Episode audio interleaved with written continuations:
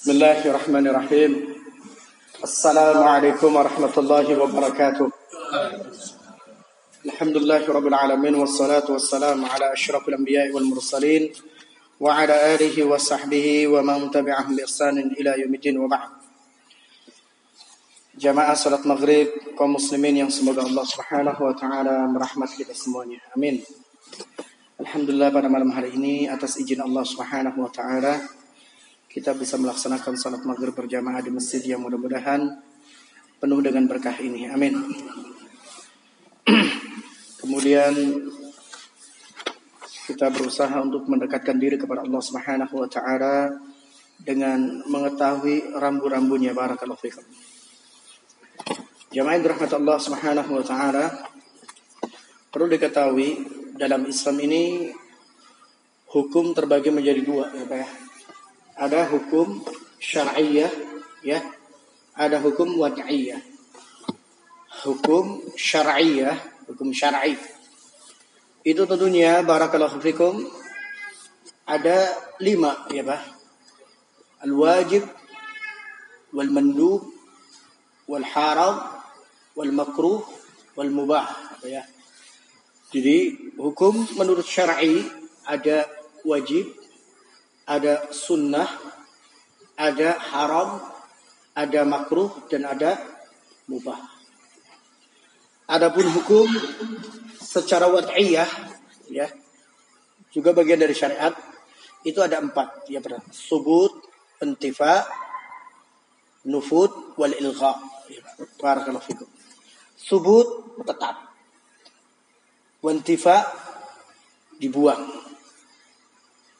Nufud dijalankan, ilgha diabaikan. Itu namanya waqi'iyah. Dan ini perlu diketahui setiap muslim harus mengerti hal seperti itu Pak. Barakallahu. Ya. Supaya dia berjalan ini hukumnya haram. Ketika dia terjatuh ada penyesalan. Ya. Ini hukumnya sunnah. Ya ketika dia meninggalkannya tidak ada ya keganjalan dalam hati karena perkaranya sun sunnah. Sunnah harus perbuatannya sunnah keyakinannya pun harus sun sunnah. Barakallahu fikum. Ya. kemudian juga barakallahu fikum ini hukumnya wajib. Ya ketika meninggalkan ada reaksi ba batin penyesalan karena dia terjatuh dalam keharaman tentunya barakallahu Subut wantifa Subut itu seperti misalkan contoh Pak ya. Ada suatu perselisihan terjadi di keluarga masalah hukum waris. Kemudian barakallahu fikum datang seorang perempuan satu. Maka tidak bisa ditetapkan sebagai sah, saksi. Harus berapa? Dua baru tetap. Walaupun dia datang orangnya ada di ibadah ini perempuannya, soleha, ya mau mempersaksikan suatu persaksian. Tapi karena aturan dalam Islam, mini-mininya perempuan berapa? Dua sehingga intifa ditinggal. Ya, kalau laki-laki cukup sah satu subuh. Atau misalkan pernikahan. Pernikahan barakallahu fikum ikhwan bidin azanallah ya. Mau nikah siri saksinya cuma sah, satu atau mau pernikahan saksinya cuma satu. Walaupun laki-laki, maka tidak bisa diteri, diterima. Intifa. Minim-minimnya berapa? Dua. Wasyahidaini adlin. Kata Rasulullah SAW. La nikaha illa biwadiyin wasyahidaini adlin. Nikahnya seorang tidak sah kecuali ada dua saksi yang adil dan disertai dengan wa, wali. Barakallah. Ini namanya hukum subut ya dan lawani intifa. Adapun biasanya nufud wal ilqa biasanya berkaitan dengan muamalah apa ya? Jual beli. Ya. Ini jual beli sudah terjadi. Setelah dibeli barangnya, ya dipakai mogok motor. Dia tidak cerita, ya. Barakallahu fikum kalau motor ini sebelumnya bermasalah, bermasalah. Padahal jual belinya sudah apa? Nufud. Sudah berjalan, ya. Sudah transaksi, duitnya sudah ditransfer, sebagian sudah buat belanja istrinya, barakallahu fiik. Ma tetap ya ilgha harus diabaikan. Al umur bimaqasidiha. Namanya seluruh perkara tergantung tujuan tujuannya. Oh tujuannya sudah nggak benar, sudah batal, nggak boleh. Barakallah. Ini kawan bidina azanallah yakum hukum Islam, masya Allah ya. Hukum yang mana digambarkan oleh Salman Al Farisi radhiyallahu taala anhu. Ini nikmat yang Allah berikan kepada kita, tapi banyak orang yang tidak tahu. Baik. Salman Al Farisi radhiyallahu taala an beliau mengisahkan allamana Nabi alaihi salatu wasallam kulla syai hatta al-kharra. Rasulullah SAW semuanya sudah mengajarkan kepada kami. Rasulullah SAW sudah mengajarkan semuanya. Sampai muamalah dengan WC dan kamar mandi pun ada ilmunya barakallahu. Muamalah yang menurut kita bludus saja mau nggak ada permasalahannya betul nggak? Bludus, belut kencing, bus. fikum ternyata diajarkan. Ya. Hatta al-kharra'ah kata Salman Al-Farisi radhiyallahu anhu, Rasulullah SAW meninggalkan kami ya dalam keadaan segalanya sudah diajarkan kepada kami sampai permasalahan khera'ah kamar mandi dan WC ditambah lagi kata Anas bin Malik radhiyallahu taala kata beliau tarokana Nabi alaihi salatu wasalam yu'allimuna ala kulli hatta ta'iru yuqallibu janahaini fi fil hawa. Rasulullah sallallahu alaihi wasallam semuanya sudah mengajarkan kepada kami. Sampai masalah burung yang terbang kemudian membalak-balik sayapannya, ya beliau sudah mengajarkan kepada kami. Ditambah lagi sama Umar bin Khattab radhiyallahu taala kata Umar bin Khattab radhiyallahu an, "Allamana Nabi alaihi salatu wasalam bada al-khalq hatta yakunu khalq ahwa min ahli nar aw min ahli jannah wa manzilatahum wa wa masirahum." Kata Umar bin Khattab radhiyallahu an, Rasulullah SAW menceritakan kepada kami semuanya tentang permulaan diciptakannya langit dan bumi, kemudian diciptakannya manusia, setelah itu manusia yang akan mendapatkan neraka dan tempat tinggalnya di dalam neraka, manusia yang akan mendapatkan surga dan tempat tinggalnya di surga, semuanya sudah diajar, diajar. Dan ini kewajiban seorang rasul barakallahu fikum. Sebagaimana hadis dari Abdullah bin Amr bin As radhiyallahu taala anhuma. Kata beliau Rasulullah sallallahu alaihi wasallam bersabda hadis riwayat Muslim ya ma min nabiyyin illa kana haqqan alaihi an yadulla ala ummati khair. Ya'lamu bihi wa an yuhadzira ummatu min asyarr man ya, ma ya'lamu bihi Suatu kewajiban bagi setiap nabi yang diutus di muka bumi ini adalah menunjukkan kebaikan kepada umatnya apa yang telah Allah ajarkan dan memperingatkan kepada umatnya dari keburukan apa pun yang Allah ajarkan. Barakallahu fikum. Jadi mentalnya seorang nabi sudah di atas rata-rata keberaniannya, ya.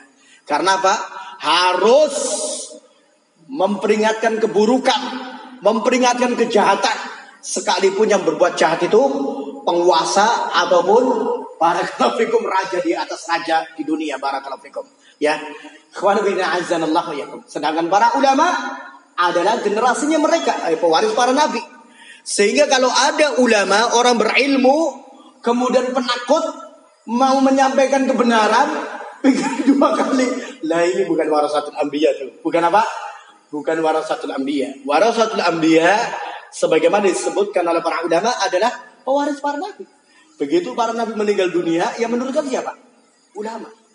Dan ulama ini adalah an yadulla ummatahu adal khair ma ya'lamul bihi.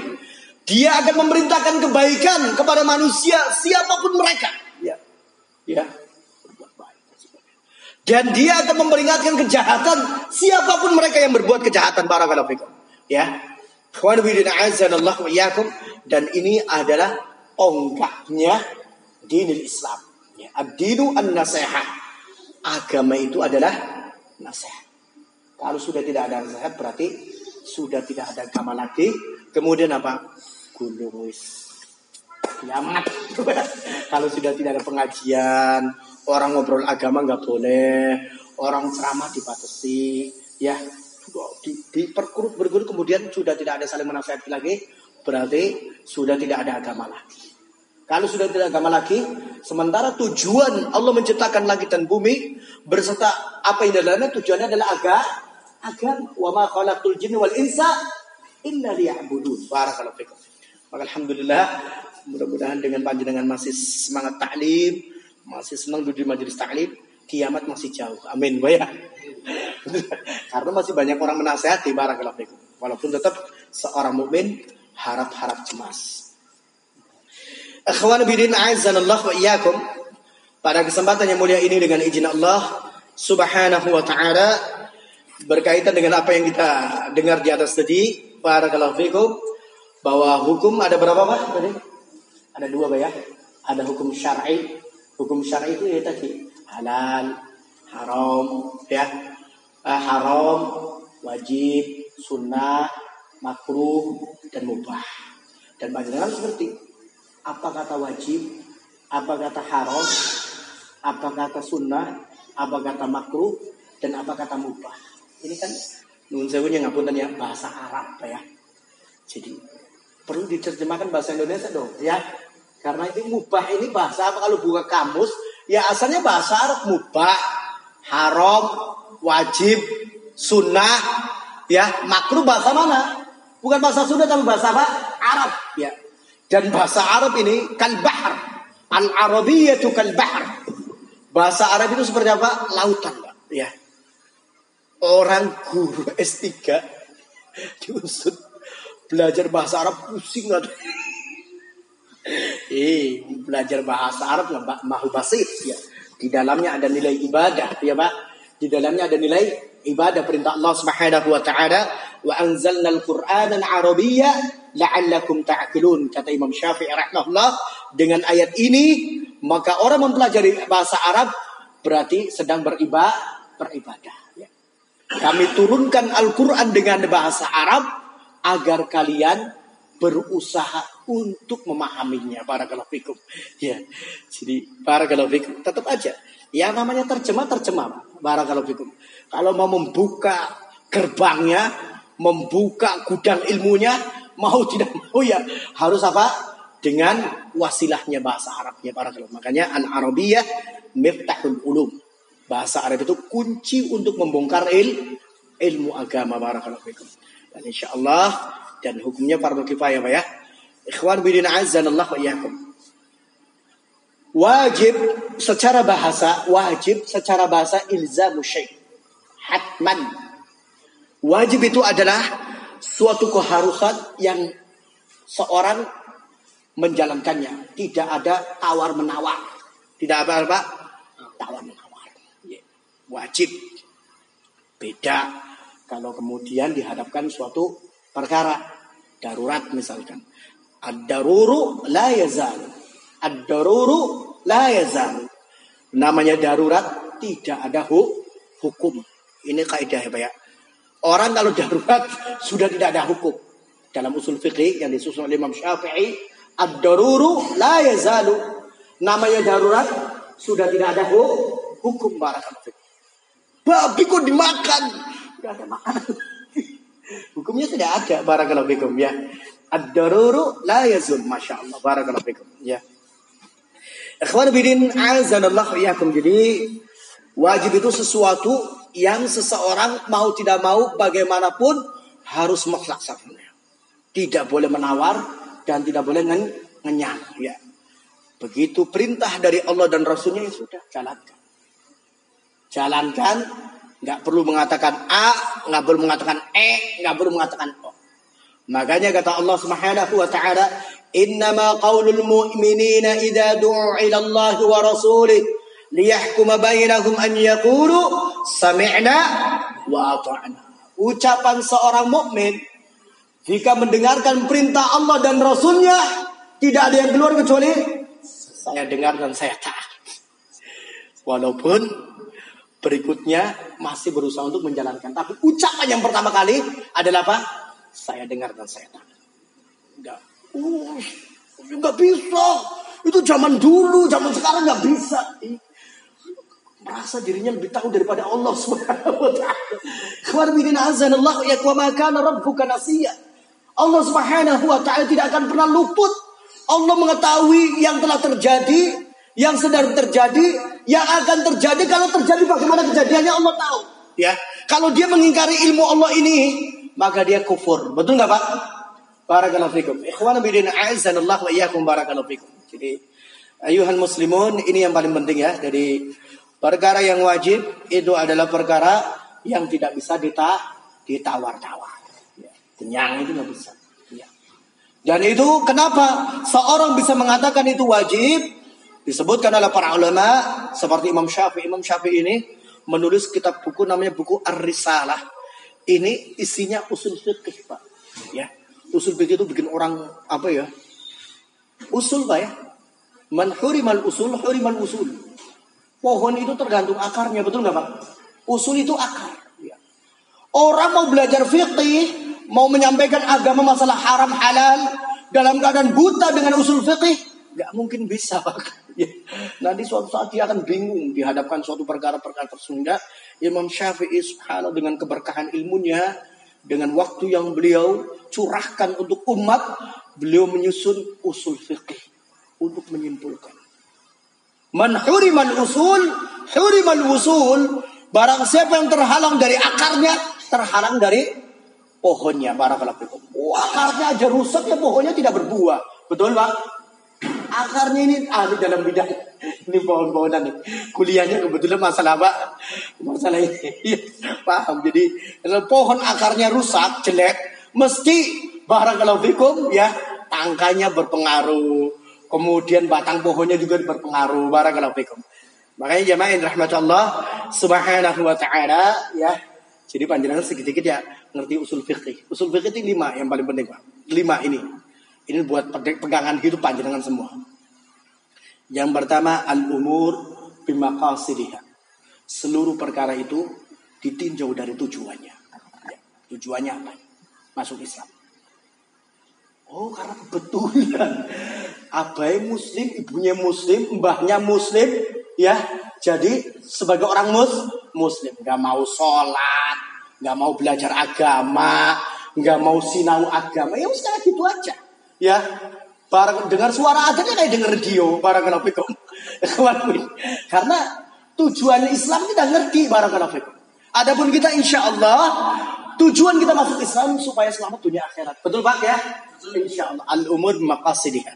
Seluruh perkara itu tergantung tujuannya. Makanya ini ini ini ucapan ini kan bukan semata-mata ucapan Imam Syafi'i. Intisari dari hadis Rasul likul imana wa seorang akan mendapatkan sesuai dengan apa? niatnya. Betul? Barakallahu fikum. Jadi dalil birang-birang sama Imam Syafi'i diiring ke Ini loh kesimpulannya. Al umur bimaqasiduha. Segala sesuatu tergantung apa? Tujuannya. Barakallahu fikum. Ini ilmu kalam bak ya.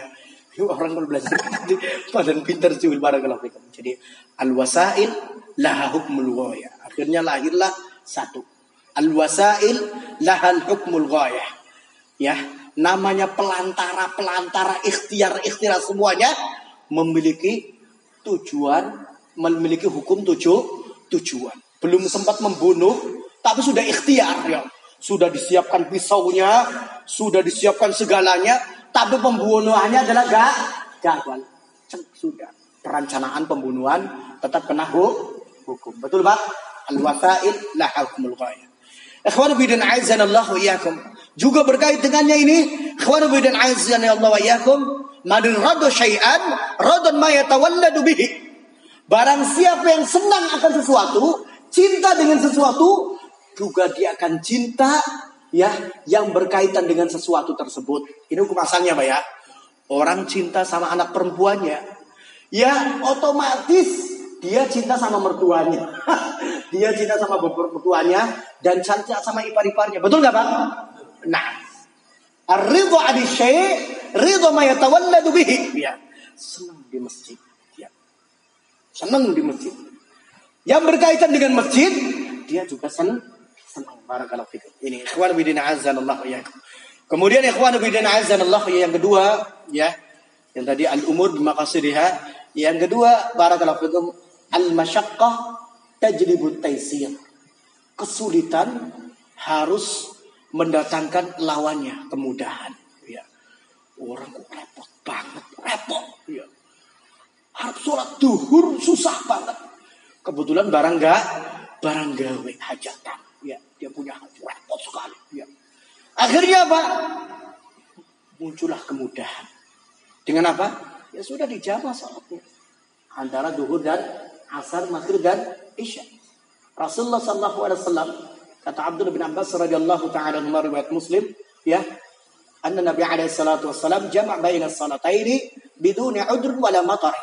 Rasulullah sallallahu alaihi wasallam pernah menjama dua salat tanpa ada udur dan tanpa ada turunnya hujan. Beliau mencontohkan. Nah subhanallah.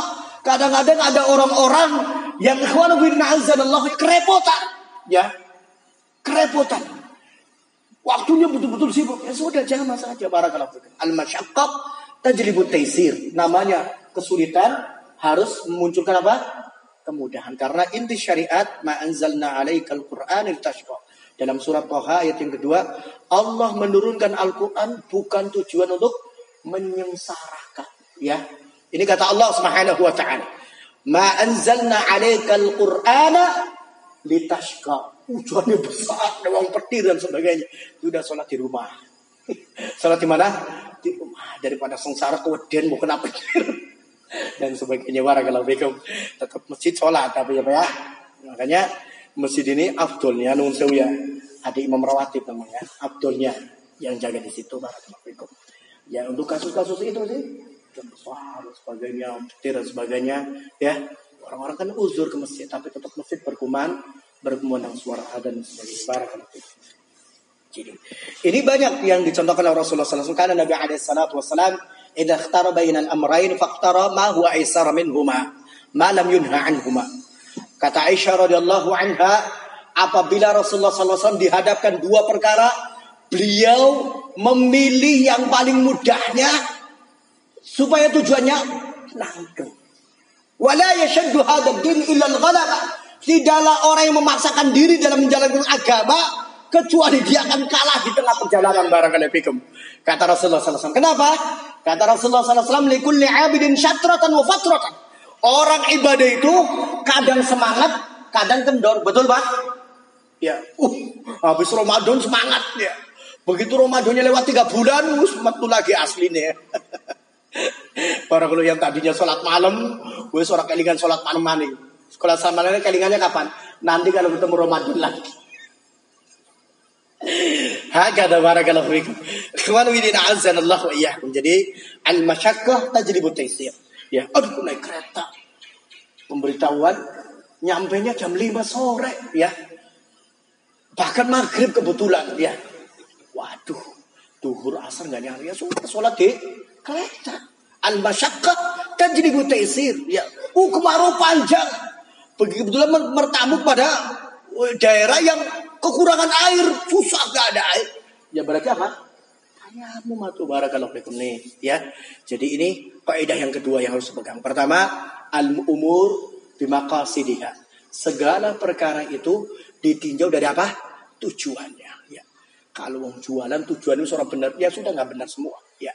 Barakallahu fikum. Kemudian yang ketiga ini ada lima yang paling penting kata Imam Syafi'i rahmatullah. Yang paling penting dalam patokan hukum megang lima pak ya. Ini lima itu dari lima ini anaknya banyak sekali ya. Dari lima ini lima kaidah panjenengan barakallahu fikum bisa mendapatkan banyak sekali. Yang ketiga adalah al-yaqin la yazulu bisyak. Seorang yang mantap, seorang yang di atas keyakinan tidak akan bisa terpatahkan dengan keraguan-raguan. Ya. Banyak kisah-kisahnya, Pak ya. Ya, kalau orang kan sudah beriman, mantap, tapi ya, Pak ya. Bukan senan kemis loh, Pak, bukan ngambak, mantap. Ya tak bisa diragu-ragukan ya, Pak ya. Barakallahu fikum. Al-yaqin la yazulu bisyak. Keyakinan tidak akan bisa dipatahkan dengan kebimbangan dan keraguan. Makanya panjenengan ini terus terikat dengan ilmu, terus dengan ilmu, dengan ilmu itu supaya keyakinan ini terjaga, Pak. Karena yang membuat ragu-ragu, ragu-ragu ya hari ini keyakinannya belum luntur. Besoknya terus. Ini iblis ini salah satu targetnya bagaimana keyakinan hamba Allah ini semakin hari semakin pudar dan semakin luntur. Dengan apa? Syubhat dan syahwat.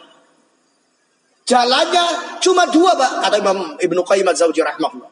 Supaya keyakinan itu tetap bulat utuh sampai kemudian wala tamutunna illa wa antum muslimun, meninggal di atas muslim adalah pertama berusaha sabar, kedua Tetap dengan il ilmu. Orang dua ini kesabaran. Nuntut ilmu ogah. Ya sudah bubar iman Pak. Keyakinnya lun luntur. Ini kata Imam Ibnu Qayyim bukan kata saya Pak ya. Barakallahu fikum. Jadi menghadapi syahwat dengan sabar, menghadapi syubhat dengan il ilmu. Oh, sekarang Mbak. Saat sekarang ini di medsos yang jenengan syubhat, oh luar biasa. Balik, tarik sana dan sebagainya. Ditarik sana, ditarik sini, oh, luar biasa. Betul? Ya.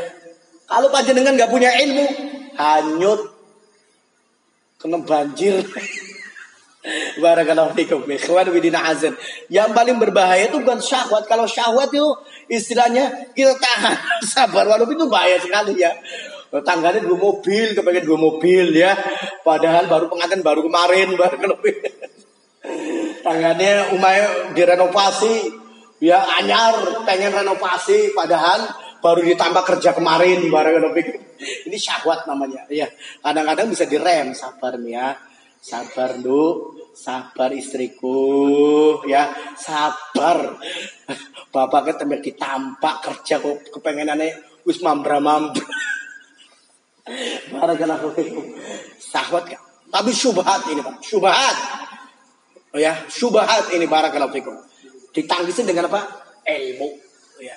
Syubhat ini yang mengkikis keyakinan. Ya. Makanya ini la yazulul yaqin illa bisyak. Khawarbidin Allah yakum. Masih toh. Ya. Pelayannya Asia. Istrinya Fir'aun. Ya. Alaihi wassalatu wassalam. Mudah-mudahan keduanya diberi keselamatan dan diberi salawat. Barakallahu Amin. Khawarbidin Allah yakum. Seorang pelayan. Tapi beriman kepada Musa alaihi salam. Satu dicemplungkan anaknya. Digodogan loh. Di depan matanya. Dalam tafsir. Ya Semblungan. Kembali enggak? Ya mau. Semblungkan lagi anak yang keduanya. Kalau bidina Allah kembali enggak? Sampai kemudian bayi fil mahdi ya panjenengan kalau membaca Al-Qur'an fil mahdi itu dalam tafsir fil mahdi itu antara umur baru nyeprot maksimal tiga bulan. Ya kalau bahasa Arab fil mahdi kalau sobi itu bisa satu tahun bisa dua tahun, tiga tahun. Kalau film Mahdi itu betul-betul baru nyeprot dan barang kalau itu maksimal umurnya berapa bulan? Tiga bulan, barang kalau itu. Ya, banyak bahasa Arab mengungkapkan bocah itu banyak setiflun bocah, ya, kumsobiun bocah, aulat juga bocah, ya, pak. Tapi bisa dibedakan satu kata dengan yang kata yang lainnya maksudnya. Makanya saya sudah ngomong di atas ya bahasa Arab itu seperti apa? lautan. Jadi kalau orang mau nyolong, mau menggeser ilmu syariat, nggak akan bisa. Ya Allah lebih tahu kenapa Quran pakainya bahasa Arab. Kenapa hadis pakai bahasa Arab. Nanti suatu saat ada orang-orang yang meniru Bani Israel. Suatu saat ada orang-orang meniru Yahudi. Yuharrifun al-kalimah an mawadih. Membulak balikan. Memutar balikan. Wajitukum bi ayatin min rabbikum fattakullahu wa ta'im. Kata Nabi Allah Isa, saya datang kepada kalian untuk menghalalkan apa yang kalian haramkan dan untuk mengharamkan apa yang kalian halalkan. Tuh, ya. Datang Taurat dirubah. Datang Nabi Isa alaihissalam salah satu tujuannya ya untuk membenarkan perbuatan mereka yaitu menghalalkan apa yang diharamkan dan mengharamkan apa yang dihalalkan. Apalagi sekarang sekarang jadi sudah Taurat dan Injil sudah istilahnya barangkali walaupun itu kita bersamawi tapi keasliannya sudah sangat meragukan lagi. Ya. Secara global kita harus beriman loh Pak ya bahwa itu kitab samawi ya ya. Tapi barakallahu fikum jangan kemudian menyibukkan membaca itu barakallahu fikum ya. Karena sudah yuharrifun al-kalim an mawadi'i. Khawal bin Allah iyyakum. Anaknya fil mahdi ini ya bimbang ibu ya seorang ibu bayi. Cemplung akan godogan barakallahu fikum. Siapa hati nurani mereka? Tapi Allah takdirkan bayinya bisa ngomong barakallahu. Ya ummahat isbiri fa innallaha ma'ana wahai ibuku bersabarlah sesungguhnya Allah bersama kita. Ilmu akhirnya betah mantap, tentunya sudah. Dan dalam satu riwayat disebutkan dalam tarikh bahwasanya anak-anaknya dan beliau sebelum dicemplungkan ke apa ke godogan, ruhnya sudah dicabut oleh malaikat maut para fikum.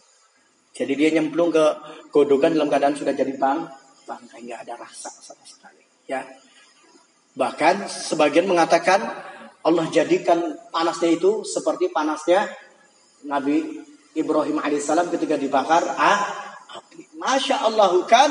Wa illam yasha lam yakun. Apa yang Allah kehendaki? Pasti bisa. Betul pak? Inna dzalika 'ala Allah yasir menurut akal manusia tidak mau bagi Allah mu mudah ya naru kuni barjan wa salam wahai api jadilah engkau sejuk dan sejahtera kepada Ibrahim alaihissalam. Api hukum asalnya ya panas tapi Allah jadikan dingin dan sejahtera. Barakallahu fikum. Dinginnya duduk dingin yang ini pak ya. Dingin yang di salju bukan. Dingin yang sejahtera. Dingin yang enak sekali gitu. Makanya ada sifat ya. Bardan wassalam dingin dan sejahtera. Barakallahu fikum. Azanallahu iyyakum. Jadi keyakinan tidak akan pudar dengan keraguan-keraguan. Jadi panjenengan terus menuntut ilmu supaya yakin itu terus tumbuh. Makanya para ahlu tafsir ketika menafsirkan illal ladina amanu kecuali orang beriman ay alimu orang berilmu. Ya. Kecuali orang beriman orang yang beril berilmu. Ya. Panjenengan ngerti enggak nabinya? Ngerti enggak ya nabinya orang Arab itu orang Jawa kok beriman? Karena il ilmu. Betul Pak? Barakallahu fikum. Semua apa yang kita lakukan ini karena il ilmu. Sehingga barakallahu fikum kalau seorang jauh dari majelis ilmu sama dengan mau menggadekan imannya melunturkan imannya. Barakallahu fikum. Jadi keyakinan tidak akan pudar dengan apa? Keraguan. La ya la yansarifan ahadukum min salati. Hatta yajidu sautahu au yajida rihahu. Tidak boleh seorang membatalkan sholatnya sampai dia mendengar suara kentutnya atau mencium bau kentutnya baru membatal. Kentut apa ya? Kentut apa ya? Mules kayak gini nggak boleh dibatalkan karena ini ragu. Ya, tidak boleh keraguan mematahkan apa? kebimbangan. Oh, sholat duhur empat rakaat, eh sholat maghrib empat rakaat, empat sholat maghrib empat rakaat, sholat maghrib empat rakaat, nggak bisa. Tetap tiga rakaat karena yakin. Kemudian yang keberapa? Empat. Ini belajar istilah ya. sedikit ya. Ya. Al-adatu muhakkamah. Al-adatu al-adatu muhakkamah Kata Imam Syafi'i rahimahullah, ya, kebiasaan masyarakat itu adalah sumber hukum yang dijadikan patokan untuk kita. Barakallahu Kebiasaan apa? Masyarakat ya, itu sebagai tolak ukur hukum bagi kita barakallahu. Paham maksudnya Pak ya? Ini kan perlu penjelasan barakallahu fikum. Maksudnya ya muamalah muamalah ini kita kembalikan kepada apa? Kembali adatnya masyarakat. Barakallahu fikum. Kalau di TPI di tempat pelelangan ikan itu sahnya jual beli dengan ini. Cek kayak misalkan barakallahu fikum tukang lelangnya itu 2000, 3000, 4000, 6000, 7000, 10000. Ada yang berani. Kemudian barakallahu fikum ya diturunkan lagi sampai 8000 ada orang oh berarti ini sah miliknya di dia sudah sah hukumnya. Adatnya seperti itu masyarakat itu. Ya. Ada yang kalau sahnya baru ketemu tatap muka kemudian nyang-nyangan bulu sampai gotot-gototan. ini minta sekian ini wah sampai jam-jaman baru setelah itu dua-duanya ridho wes deal lah deal. Ya wes deal deal. Salaman deal. Baru saya ada adat masyarakat seperti itu. Betul nggak pak? Iya. Di Indonesia kalau membujukan anak putri harus kumpul semuanya kemudian ini dan sebagainya. Setelah itu ya itu ya sudah. Memang menurut masyarakat sahnya nikah seperti itu ya sudah jalankan aja. Ya. Jadi al-adah muhakkamah namanya kebiasaan itu sebagai tolak ukur hukum yang sah selama tidak tabrakan dengan apa sumber Al-Quran dan Sunnah barakallahu fikum ya Ini jadi dari sini muncullah kearifan. Safar, gimana sih Pak Ustadz? Batasan safar itu sampai di mana Pak Ustadz? Ya, ya. Apakah saya ke Sampang itu bisa safar? Sebentar, ya. Sebentar dulu. Kalau panjenengan melihat hukum masalah batasan safar, ya, itu Imam Syaukani dalam kitab Laulul Autor menyebutkan ada 83 pendapat ulama. Ada berapa? 83 pendapat. Mana yang diikuti? 83 ya nggak tanggung tanggung pak. Mumet panjenengan semuanya barakallahu fikum. Ya ngikutin ini ada dalilnya. Ngikutin ini ada dalil. Ngikutin ini ada dalilnya barakallahu fikum. Ada berapa? 83 barakallahu fikum. Ini ulama ya namun kita ngumpuli 10 pendapat bagus mumet minta ampun jenuh ini 83 pendapat dikumpulkan semua demi ilmiah dan kejujuran Dasarnya ilmu agama itu ikhlas dan jujur. Ya. Jangan karena dirinya berpendapat seperti ini, kemudian yang disampaikan seperti itu toh. Yang lain tidak diutarkan. Ini menunjukkan tidak apa keterbukaan. Barakallahu Ya. Misalkan ada seorang berpendapat sholat jamaah hukumnya fardu ain. Yang disampaikan dalilnya tentang sholat jamaah hukum fardu ain. Disembunyikan tentang hukum para ulama yang mengatakan fardu kifayah atau sunnah muakkad. Ini namanya kurang ju jujur para ulama. Sampaikan keduanya atau pendapat ketiga tak, tak, tak, tak, yang lebih dekat dan saya lebih tentram memilih pendapat ini. Monggo. Ini namanya apa? Kejujuran dan keikhlasan barak. Tidak ada ilzam, tidak ada penekanan dan intimidasi dan pemaksaan. Betul, Pak? Barakallahu fikum. Ya kembali ke masing-masing. Wa ma illal balagul mubin kata Rasulullah SAW. Tidaklah saya kecuali hanya menyampaikan. Ya, urusannya kalau sudah sampaikan hamba dengan Allah, Allah Subhanahu wa taala. Nanti di akhirat akan ditanya, "Alam ya'tikum nadhir?" Bukankah telah datang kepadamu orang yang memberikan peringatan? Qalu bala qad ja'ana nadhir. Betul ya Rabb telah datang kepada kami yang memberikan peringatan. Wa benar, tapi kami mendustakannya. Nauzubillah min dzalik. Jadi ya safar pun yang dirojikan oleh sebagian besar ulama kembalinya kepada adat masyarakat pak ya. Adat masyarakat. Uh, itu Mas Rian mana? Luar kota. Oh berarti lagi safar masyarakat dia apa Grand Safir ketika ditanya tak tangganya ini pulau baru kepanggil Mas Rian oh itu keluar kota gitu. Oh berarti Mas Rian lagi apa? Sa Nggak usah ditanya berapa kilo sih. Oh sabar. Ya sudah kalau masyarakatnya ini dengan jujur dan mengatakan Mas Rian lagi keluar kota, berarti Mas Rian posisinya lagi sa Nah saya tanya sama Mas Rian, kalau Purwokerto ke Sampang keluar kota apa belum? Eh, Mas, Purwokerto ke Sampang masyarakat Grand Safir kira-kira menyatakan keluar kota apa masih dalam kota? Nun ya. Jujur. Ya kembali ini kan syariat kan kejujuran dan keikhlasan. Ya. Gimana Mas Farid? Keluar kota apa dalam kota? Eh keluar kota enak dan jama terus parah lo ngono rawan lo terus benar tuh sampah lah jama terus Senengan puasanya batal terus. Kencot Ramadan lah, wis. Pergi sampang bengo dibuka. Betul nggak? Oh, maksudnya nggak apa-apa. Jadi dalam hal ini nggak boleh pendapat satu pihak. Tanya masyarakat-masyarakat yang bolos gitu ya. Karena an ada muhakkamatun. Namanya uruf masyarakat itu sebagai tolak hukum yang benar para karafikum. Karena dalam berita mutawatir itu adalah berita yang sahih.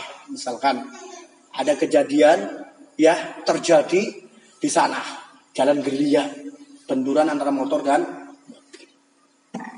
Datang kepada Mas Rian satu orang. Saya tadi kendaraan motor lihat ketabrakan sana. Oh iya ya sudah.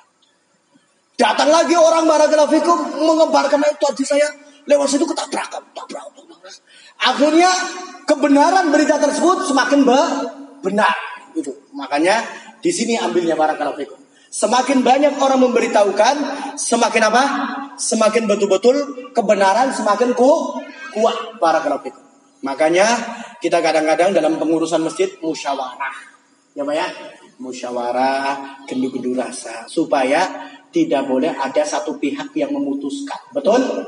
Ya, Dengan ikhlas. Nanti di situ kelihatan orang yang lapang dada, orang yang ikhlas, orang yang grundel, orang yang di belakang masih ada unek kelihatan dalam rapat tersebut. Barakallahu fikum, ya. Kalau orang memegang al-adah muhakkamah, ya, suara ya terbanyak itu sebagai penen, penentu. Ini istilahnya sama kemudian diseret-seret dan sebagainya barakallahu fikum. Tapi tetap semua kaidah-kaidah tersebut tidak ada yang sempur sempurna, ya. Tidak ada apa yang sempurna. Makanya tetap diimbangi dengan Al-Quran dan Sunnah. Kaidah-kaidah itu tarik lagi. Asalnya kaidah tersebut dari mana? Asalnya dari mana, Pak? Kaidah tersebut asalnya dari mana? Dari intisari Al-Quran dan Sunnah, betul nggak Pak? Bagaimana. Rasulullah sallallahu alaihi wasallam banyak beliau meneruskan adat masyarakat Arab. Contoh, memuliakan tamu. Sebelum datang Islam, barakallahu fikum, adat masyarakat Arab ini barakallahu fikum sudah terbiasa. Ya, sudah biasa. Bahkan kalau ada tamu datang kemudian barakallahu fikum tidak memuliakannya, ini berbahaya sekali barakallahu. Orang ini terkenal bahwa orang ini ahlaknya bejat dan sampai kemudian efeknya luar biasa Pak. Ya, efeknya dengan pernikahan, efeknya dengan rahim, efeknya kalau ada hajatan tidak diundang dan sebagainya barakallahu. Sampai sekarang, ya. Di sana kan diarahkan kabilah-kabilah Pak ya. Kalau ada orang ketemu sama kabilah, tidak senyum saja. Ya, tidak senyum waktu dia nyapa, itu langsung, oh ya, khair insyaallah. Langsung, oh ya, Catatan, luar fikum. Apalagi kemudian terkenal kabilah ini tidak memuliakan tamu ya sudah, langsung. Langsung silang, wis. Ya. Oke, aja nganti anak-anak kita panjenengan semua jadi keluarga. Sudah, Akhirnya Pak terpinggirkan dan cerah barakallahu Dan kawan bidin azan Allah banyak sekali kalau panjenengan baca sejarah-sejarah Rasulullah SAW ada beberapa kebiasaan bangsa Arab yang dikukuhkan ya yang dikukuhkan. Sehingga Imam Syafi'i rahimahullah taala memberikan keputusan al-ada muhakkamah ya. Tatanan masyarakat yang sudah berjalan itu sementara sebagai tolak hukum tolak hukum bagi dia. Ya, setiap masyarakat ketemu orang cemberut terus kan orang senang betul nggak pak?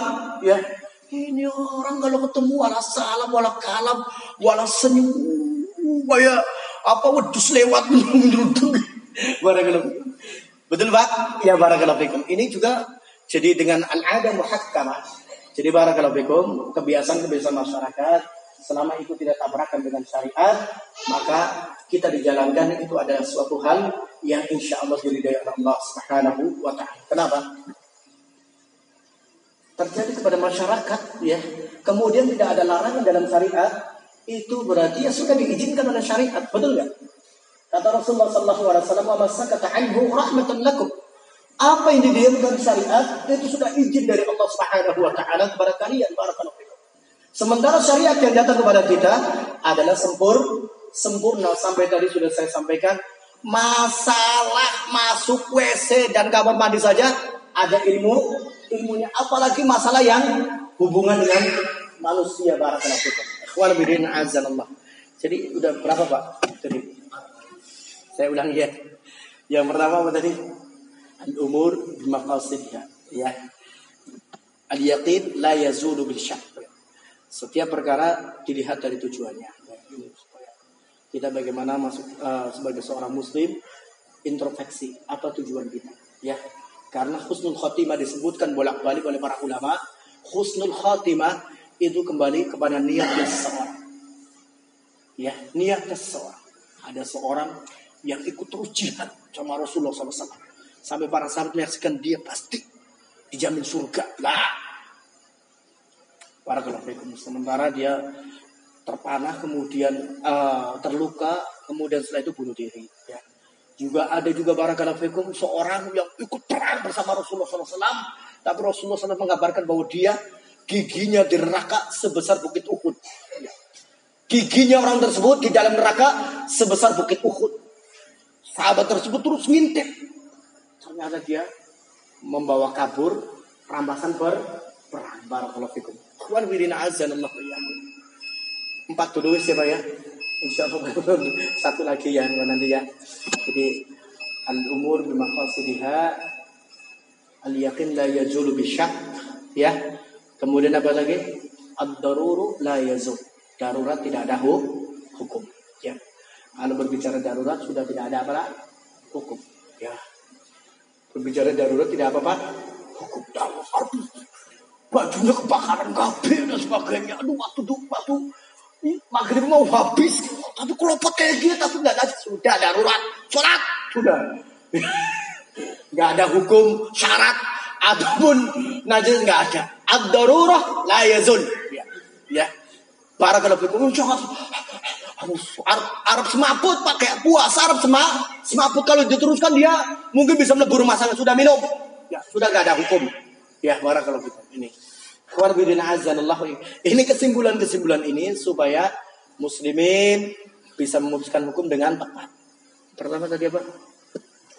Al umur bin al masyarakat tajibut taisir ya Kemudian al yakin la yajuru bisyak. Kemudian uh, sudah lima kok ya. Ad-darur la yazul. Kemudian al-adatu muhakkamatun ya. Kebiasaan masyarakat adalah sebagai tolak hukum yang benar. Ya. Sebetulnya saya mau baca sarah-sarahnya.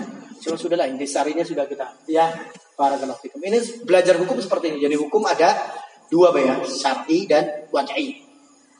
Kalau hukum syariah tadi halal haram mubah. Kalau hukum wad'i itu tadi sah atau dia sah, batal atau tidak. Biasanya berkaitannya dengan apa? Waris, jual beli. Itu namanya nufud wal ilqa. Subut wan tifa. Barakallahu fikum. Ya.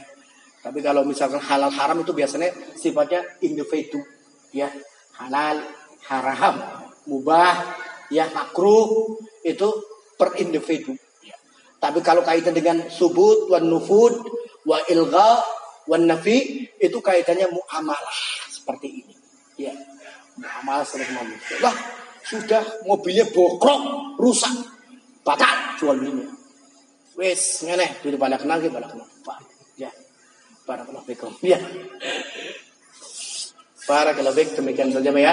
Jadi sengaja pada malam hari ini saya sampaikan tentang ini ya supaya sedikit-sedikit mengerti gambaran-gambaran hukum, Pak ya. Sampai kita seorang muslim tidak mengerti hukum Islam. Para fikum. Teman-teman mau nih, insyaallah taala. Jadi sebelum saya tutup, kira-kira keputusannya Sampang ini sabar apa enggak nih? yuk pergi ke Safar ke Sampang safar nggak yuk? Kalau lah. Ini yang setiap pekan. ya, jadi tanya paling tidak menghimpun 10 aja, 10 berita dari masyarakat yang berkomentar, ya. Masyarakat sekitar ya yang ada di negeri panjangnya semua para fikum kira-kira saat keluar kota atau tidak. Jangan monopoli dong, tanyanya pada diri sendiri ya nanti tergantung keinginannya, betul gak? Tanya lah, saya sih pengennya kalau sampang sapar. Itu benar. Makanya agama ini bangunannya ikhlas dan ju, jujur. Wis Bangunan agama adalah apa?